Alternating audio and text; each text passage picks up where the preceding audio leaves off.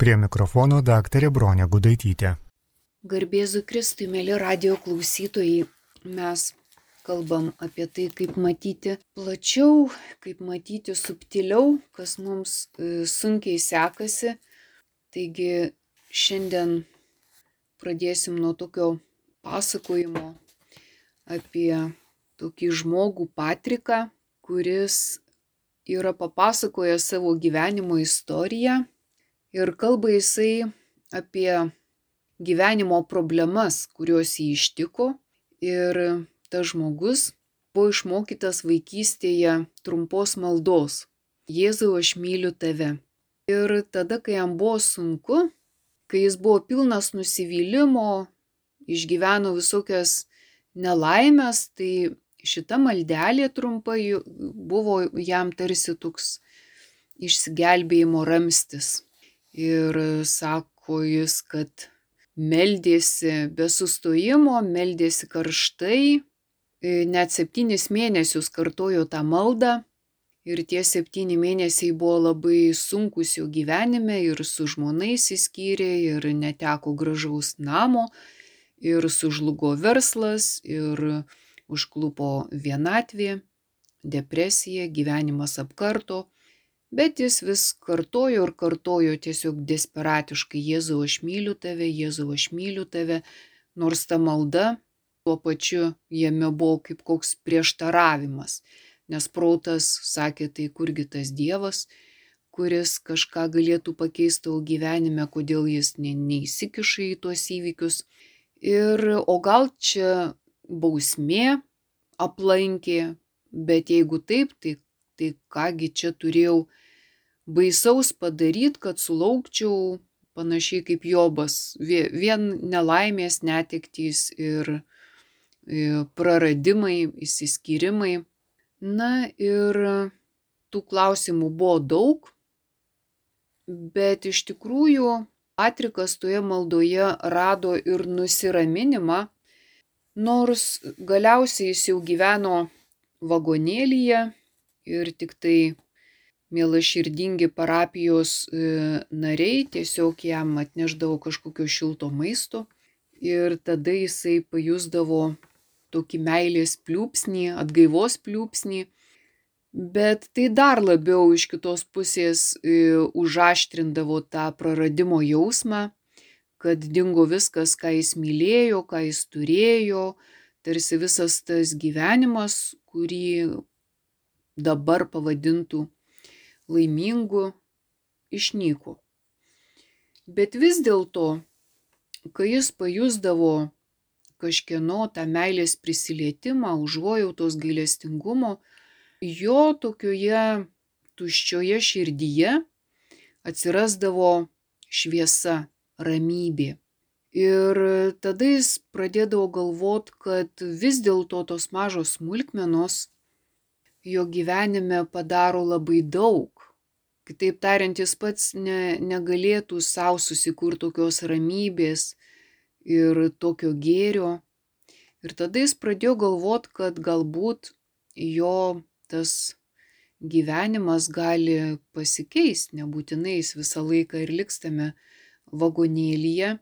Ir kai jis atrado su ta malda ir su gerų žmonių gerais darbais viltį savyje, staiga jis pradėjo jau širdyje kažkokį keistą skausmą. Ir tas skausmas buvo toks tarsi visą širdį apeitų, apsuktų tas skausmas. Ir, ir jis ypač kai pasimelsdavau ir galvodavau, iš kur, iš kur čia ta širdis, į ką jinai čia taip sujuda, sujautrėja. Na ir po to jis buvo pakviestas sudalyvauti vakarienėje. Žodžiu, viena šeima tiesiog pakvietė jį pavalgyti šilto maisto, pasižiūrėti televizoriaus ir, ir pabūt kartu su, su jų šeima. Na ir tada iš to patirdamas tokį gėrį, jis vėl pajuto tą patį keistą dilgčiojimą savo širdį. Taigi sekančią dieną einant sutiko kitą iš parapijos bendruomenės žmogų ir tas žmogus sako, žinai, Patrikai, tu vakar nedalyvavai mūsų susis, susitikime, o mes ten iš Kristaus sėkimo traukėm kiekvienas, nu, žodžiu, kaž, kažkokius žodžius. Ir sako, vat, aš tau ištraukiau ir noriu perduot Jėzaus žodžius tau.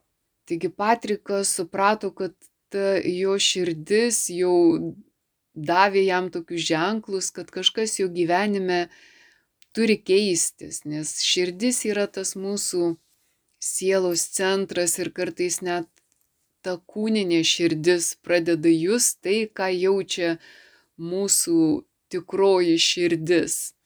Na ir jis drebančiom rankom paima tą lapelį ir atsisveikinęs su, su tuo parapijos bendruomenės nariu, greitai skaito, kasgi ten parašyta. Na ir ten buvo taip parašyta, mano vaikė, tu ieškai greito užsitęsusios problemos sprendimo. Tu ieškai prisikėlusio Jėzaus garbės dar net nepaėmęs nešti jo kryžiaus. Mano vaikė, tu tebe vaikštai prisirišęs prie šio pasaulio ir jo pančių nuoskaudų. Mano vaikė, tu tikėsi visko, tačiau jokių pastangų tu nerodai. Šitaip nieko neišeis mano sūnau, pas mane turėsi ateiti kryžiaus keliu. Priim kryžių džiūgaujančią širdimi, priim kryžių su gyriumi lūpose gyvenk visiškai pasitikėdamas manimi. Paniekink šio pasaulio gyvenimą ir viską, ką jis žada. Atiduok man savo gyvenimą, leist tvarkyti kiekvieną jo aspektą, netgi tavo kvėpavimą ar širdies plakimą. Šitokios laisvės aš trokštų iš tavęs, šitokio atsidavimo, visiško atsidavimo mano maloniai šitai prasidės tavo naujoji laisvė ir tavo išgyjimas. Tuomet ir aš laisvai gydysiu tave nuo tavo užkėtėjusio net laidumo, kuris tūno giliai tavyje. Mano sūnau, ar nejauti, kaip net laidumo puvėsiai nuodija tave? Kratykis jo visa širdimi, mokykis visiškai pasitikėti manimi. Jei pasiūščiau tave myriop, Priimk tą nuosprendį džiugia širdimi, nes būsi man atidavę save visą, ko aš dabar ir prašau. Dėl nieko šiame pasaulyje neturėtum nerimauti, nes aš valdau visą pasaulį. Mano vaikė, už ką taip vertini šį pasaulį, ką jis tau davė, kad tapo toks brangus tavo širdžiai, palik jį ir ieškok vienybės su manimi. Vaikščiok nebijodamas manęs, bet ramus ir džiaugsmingai pasitikėdamas manimi. Aš tiesiog siūlausi tau, žadu tau jėgų, išvalgumo ir visišką išgyjimą. Šias dovanas rasi kryžiuje. Tad ženk mano takai, sūnau, ne savo lūpų žodžiais, bet liūdydamas savuoju kryžiumi. Taigi matom, kad tie žodžiai, kurie Patriką tiesiog išgydė ir prikėlė, jie tinka daugumai mūsų. Kartais mes esam su Dievu tokiam dėrybiniam santykiai, tarsi išbandom jį savo maldomis ar savo kokią nors veiklą, mes lyg norėtume papirkt ir tada klausiam, kodėl aš vat toks ten tavo atžvilgiu tą ir tą padariau, kodėl man pavyzdžiui vat šitas ar kitas dalykas nutiko. Tai neteisinga. Kodėl, pavyzdžiui, žmonės, kurie iš vis tau nesimeldžia, jiems daug geriau sekasi negu man. Bet mes žinom, kad Dievo niekaip nepapirksim ir nenupirksim. Ir nesvarbu, ar mes vajosim ten apie karjerą, ar ten finansinį saugumą, ar išlikimą, bet Jėzus kaip Patrikui sako, palik visą šitą, pasitikėk tik manim, neieškok saugumo, neieškok garantijų, neieškok tos gerovės, bet pasitikėk manim. Ir nebijok permainų, nebijok su manim eiti į nežinomybę, nes tu eini su manim, tu neini vienas, taigi eik džiugia širdimi. Skaitydami Senąjį testamentą Izaijo knygą mes e, daug ten galim istorijų visokių aptikti, bet iš tikrųjų Izaijo knygoje tokia atskleidžiama Izraelio kaip tautos, galim sakyti, katastrofiška e, istorija. E, ten pasmerkimas susipina su išgelbėjimu, neviltis su atkūrimu, paklydimai su Dievo ištikimybė, sumaištis su vėl jiems siunčiama ramybė. Ir matom, kad tas chaotiškas rinkinys iš tikrųjų ne šiaip ten papasakotas, kad nieko nesuprastume, kaip kartais būna, kad skaito, skaito, kaip ten viskas pinas, maišos ir žmogus sako, aš ten nieko nesuprantu, kam ten tos visos istorijos bet e, iš tikrųjų pranašas Izaijas, jis e, pasakoja apie mūsų gyvenimo įvykius. Tai mūsų gyvenimas yra toks. Jis yra labai slėpiningas, jis yra myslė, nes mes niekaip neatspėjom nei tų permainų, nei tų pokyčių vertės neižvelgiam.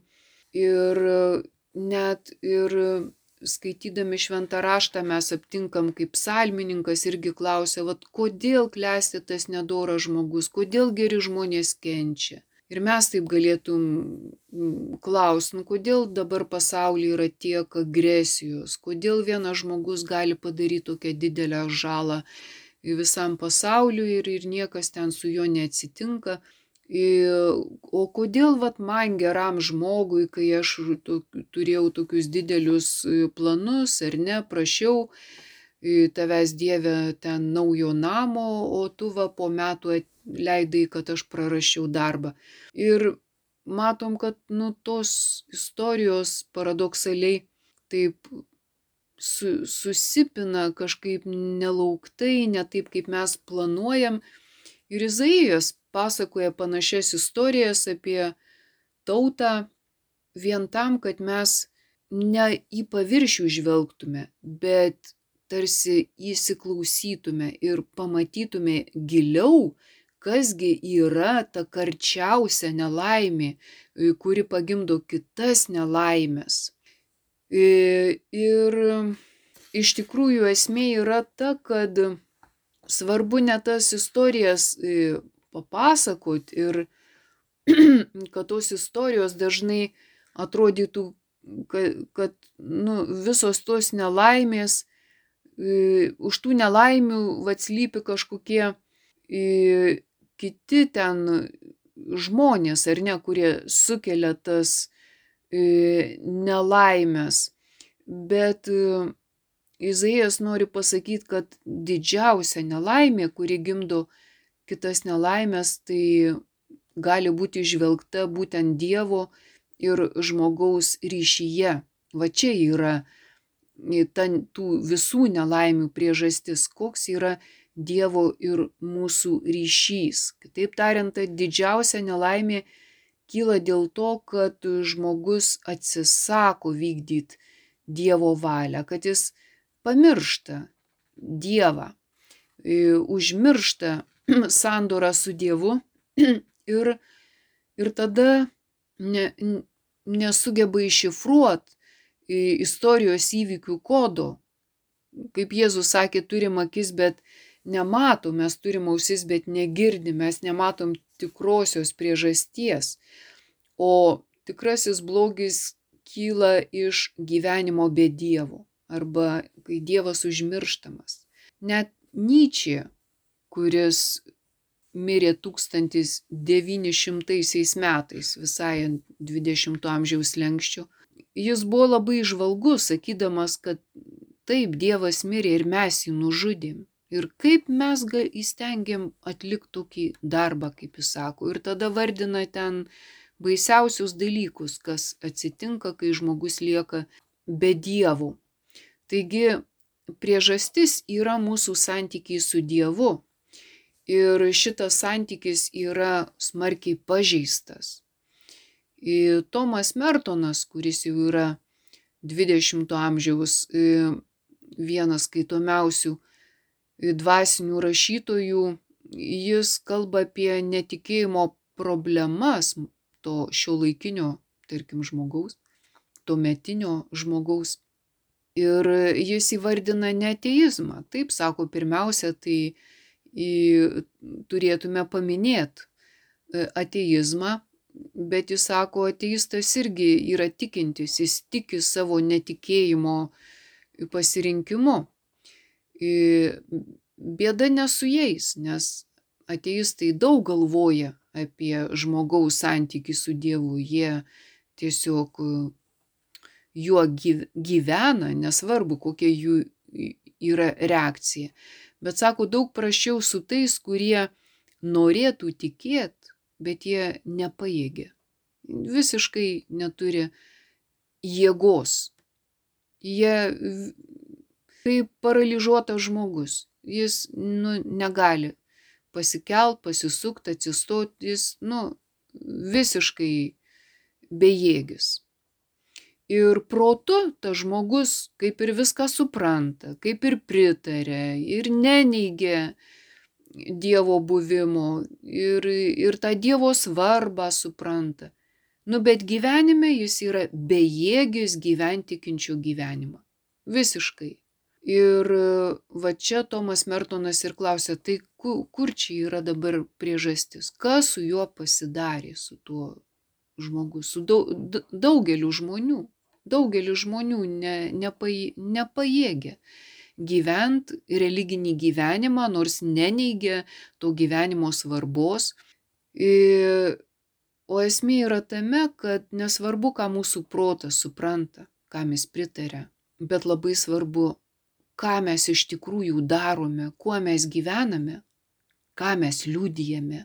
Ir tas žmogus jis nepajėgė gyventi, nepajėgė liūdyti, nepajėgė savo tikėjimo parodyti darbais, jis tik protu yra tikintis. Tomas Mertonas išvelgia problemą valioje. Mūsų valia yra tarsi užnuodyta. Mes negalim taip kaip tinginys, jis savo problemą supranta, bet jis negali piršto pajudinti, jis negali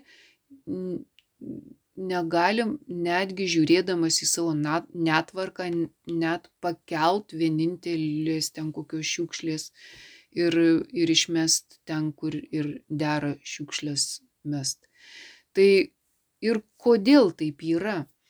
Bet va čia ir yra tie nuodėmės nuodai, kada velnės tau palieka protą, supratimą, taip kaip alkoholikas irgi supranta, kad jis geria ir kad jis blogai daro ir kad jis visus pinigus prageria.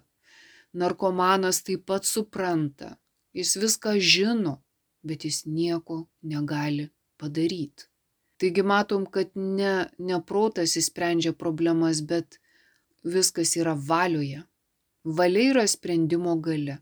Jeigu aš apsisprendžiu, kad man gerai gyventi be Dievo ar ne, ir aš jį, kaip Nyčia sako, nužudau savo sąmonę arba jį tiesiog užmirštu ir gyvenu taip, kaip man patinka, tada kodėl kaltinti Dievą dėl visų mano gyvenimo nelaimių ir apskritai, kodėl klausti, kodėl Dievas nieko nepadaro, kai pasaulyje yra tiek blogio. Taigi dėl tokios padėties, dėl to valios vi visiško nusilpimo, degradacijos, mes nepajėgus jokiems geriems veiksmams, mūsų gera valia tarsi yra užnuodyta. Ir lygiai tas pats, kaip Tomas Mertonas sako, nu, dar viena problema yra tai žmonės, kurie eina į bažnyčią ir kurie laiko save labai teisiais, gerais, tvarkingais, bet gyvena kaip bedieviai. Kitaip tariant, čia vėl tas pats, prote jie yra kaip tie fariziejai, viską įvykdo, jie, jie viską gerai daro, bet nėra Dievo jų gyvenime, nėra santykio su Dievu. Jie, jie gyvena savo gyvenimą savo valia, dėl savo karalystės, dėl savo švento vardo. Jie yra kaip farizėjai, apie kuriuos Jėzus sakė pabaltinti karstai, jie jau mirė savo viduje. Taigi tik Dievas teikia žmogui gyvybę ir gyvybė yra svarbiausia. Be Dievo tu netenki gyvybės, tu ne, neturi tų syvų ir, ir tavo gyvenimas yra nelaimingas. Dėl to ir Izaijas tą patį e, ma, mato. Izaijas ir klausia, ar turėsite pasitikėjimo ir kantrybės tikėti, kad tragiškiausių nelaimių ir atkūrimų sumaištyje sandora išlieka ir e, žengia išsipildymo keliu. Taigi jis nori pasakyti, kad Dievas niekada nesikeičia. Net tragiškiausių nelaimių atžvilgių Dievas išlieka tas pats sandoros Dievas. Tai reiškia, jis žmogaus neįsižadės. Bet žmonės apimti puikybės, jie varžosi su Dievu, jie nori užimti Dievo vietą. Todėl jie patys save ima garbinti kaip Dievą, o Dievas jų sąmonėje numarinamas. Ir visos blogybės ateina per žmogaus puikybę, per žmogaus norą būti kaip Dievu. Taigi Izaijas sako, kad Dievas išves Izraelį ir visas tautas į amžiną puotą, kur bus nušuostyta kiekviena ašara. Taigi jis kalba apie pagydymą, apie tai, kad Dievas nori pagydyti ir pagydys kurie, tuos, kurie nusileis nuo puikybės aukštumų ir pradės vaikščioti nuolankumo keliais. Bet jis taip pat tai, ką mes matom šiais laikais, ką Mertonas matė, ką Nyčia matė ir, ir ką mes matom, ir Izaijas tą patį matė, sužeistų širdžių žmonės. Kad, kad žmonių širdys yra sužeistos, kad reikia tas širdis gydyti. Ir Izaijas kalba kaip tik apie tą širdžių pagydymą, kad Dievas gali tą širdis išgydyti. Ir kaip Dievas gydys, pasmergdamas nuodėmę, pasmergdamas blogį. Ir matom, kad tos dramos, kai kalbėjom apie tą Patriką, kuris išgyveno visokių rūšių, įvairių rūšių nelaimės praradimus. Taip ir Izaijas kalba apie dramas, kalba apie skausmo, sielvarto rūką, kuris apgaubė žmoniją, bet visame tame mato viltį. Ir ta viltis yra Dievuje ką mes galim pasimokyti, kaip Mechtilda Magdeburgietė sako, nesipriešink, jeigu tau gyvenime nesiseka, bet tiesiog skirk dar daugiau vietos ir laiko e, Dievo gerumui. Skirk dar daugiau vietos ir laiko Dievo gerumui, kad tu jį pajustum ir kad tu pats darytum tuos gerus darbus, per, per kuriuos irgi pajusi Dievo gerumą. Taigi, jeigu sunku, tai dar tas ryšys su Dievu turėtų sustiprėti, o nesusilpnėti.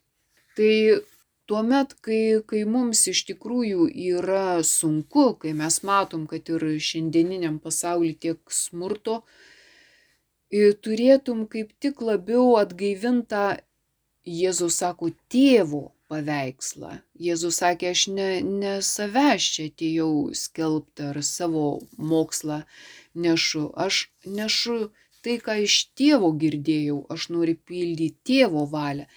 Taigi mes pamirštam tą Dievo kaip tėvo gerumą, kaip mylinčio Dievo buvimą. Kryžių nešt reikės kiekvienam ir reikia kiekvienam.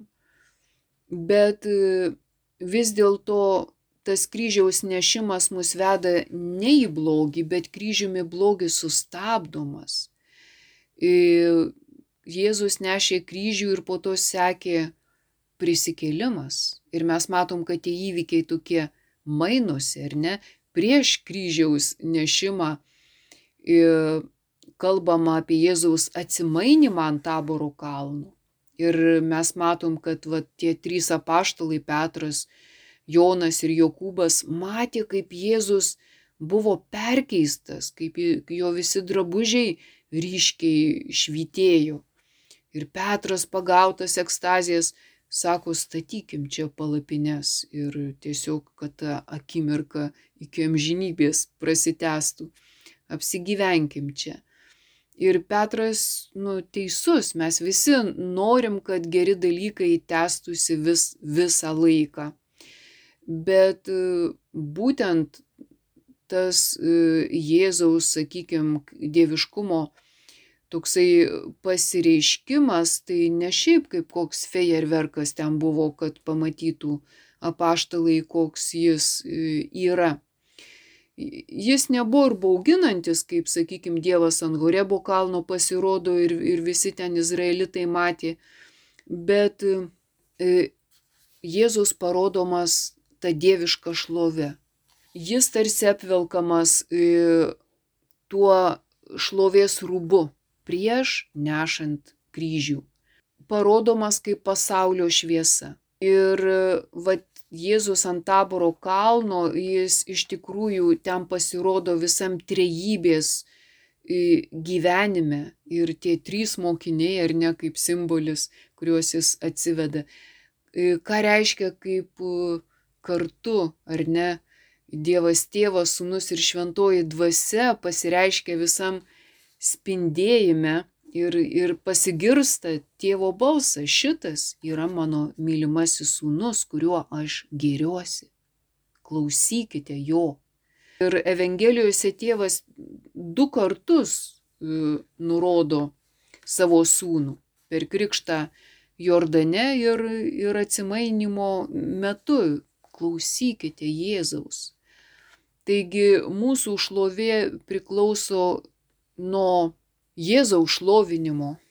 Kitaip tariant, mes turim jo klausyti, mes turim paklust jam ir tokiu būdu mes jį pašlovinsim. Ir ne tik jį pašlovinsim, bet dalyvausim Dievo šlovėje. Bet tas dalyvavimas Dievo šlovėje taip pat matom pavirsta į kryžiaus nešimą. Tai buvo pa, dieviškoji pagoda prieš kančią. Jėzus irgi sako, imk savo kryžių ir sek manimi. Taigi, kaip sekt jį imant savo kryžių? Taigi, kaip gali nueiti į šlovę per kryžių? Kaip gali pašlovint Jėzų per kryžių? Taigi, kryžius yra kaip sprendimo gale, kaip teisingo gyvenimo, pasi, gyvenimo krypties pasirinkimas, ar ne? Nebėg nuo kryžiaus, bet jį priimt. Ir į kiekvieną situaciją mes galim, kaip, kaip ir kalbėjom, ne kalaviją dėt, bet kryžių. Su kryžium laimėsim prisikėlimą. Su kryžium pašlovinsim Jėzų per Jėzų patį Dievą. Kryžius nėra šiaip, e, šiaip medis, bet e, kryžius yra gailestingumo simbolis. Ir mes žinom, kaip e, kalbėjo Dievas, duodamas dešimt Dievo įsakymų, jis kalbėjo tam žmogui, kuris visur eina agresyviai, kuris eina su kardu. Ką jisai sakė tokiam žmogui? Nežudysi nesvetimausi, nevoksi, melagingai neliūdysi prieš savo artimą, negeisi savo artimo turto ar ne, namų, vergo, vergės, jaučio, asilo, bet ko, kas priklauso tavo artimui. Ir šitie visi įsakymai skamba kaip priešingybė Jėzaus palaiminimams, kada jis sako, Palaiminti dvasios beturčiai, jų yra dangaus karalystė. Palaiminti liūdintys, palaiminti romieji, palaiminti alkstantys ir trokštantys teisumo, palaiminti gailestingieji, palaiminti tyra širdžiai, palaiminti taikdariai, palaiminti persekiojami dėl teisumo, nes jų yra dangaus karalystė. Kam tinka šitie žodžiai? Tiems, kurie ima kryžių ir seka Jėzų. Jie yra palaiminti, nes tai yra kryžiaus nešimas. Taigi pasaulis, kuris renkasi smurtą, kuris renkasi kalaviją, jisai ne tik tai kenkia savo pačiam, bet taip pat paliūdija, kad tai yra laikysena be Dievo.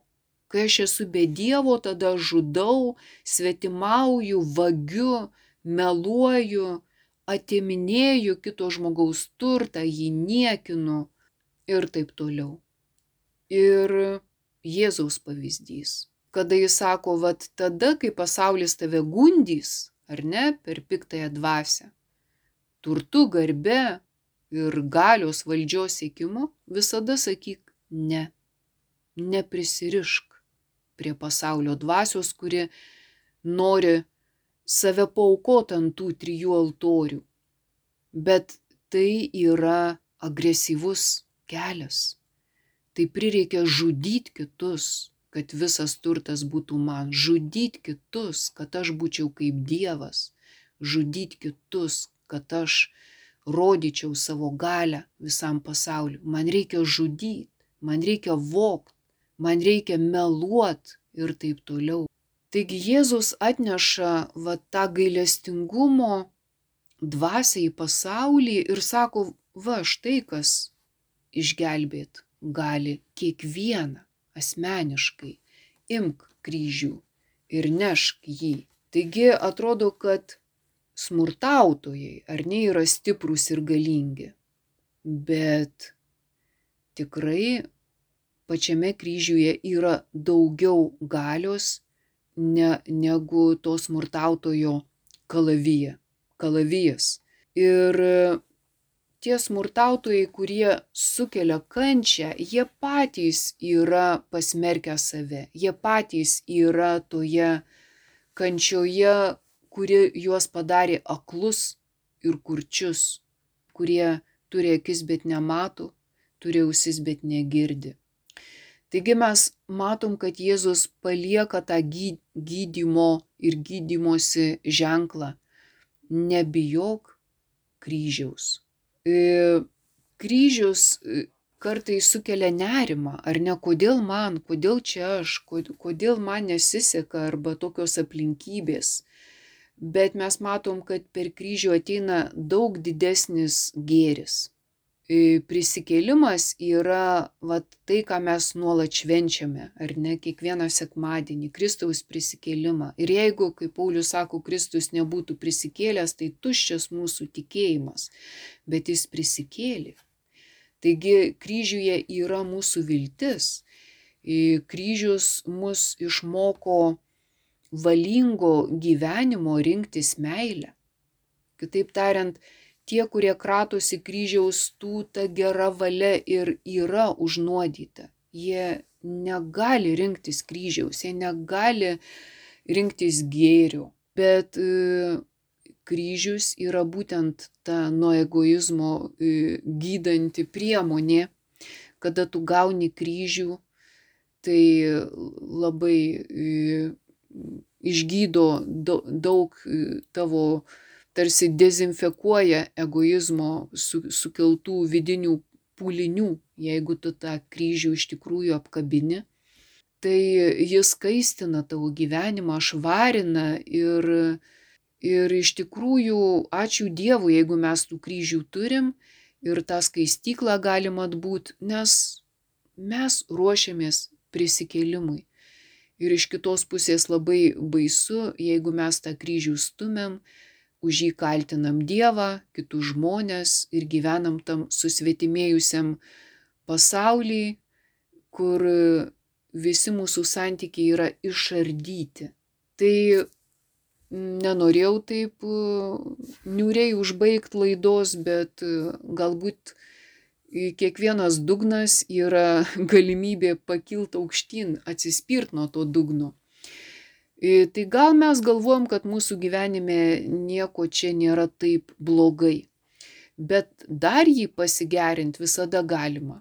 Kitaip tariant, kad e, kaip Mechtilda Magdeburgietė sakė, kad, nu, vad kaip sunku, tai tu dar pagilink tą bendrystę su Dievu, dar arčiau būk Dievu. Ir tada visuose santykiuose atsiras daugiau meilės, daugiau vilties ir, ir daugiau bendrystės jausmo. Dings tas vienišumas, susiskaldimas ir tos depresijos, kurios dažniausiai ir susiformuoja nuo meilės stygiaus. Taigi ačiū labai uždėmesį su Dievu iki kitų sustikimų. Laidoje kalbėjo daktarė Bronė Gudaitytė.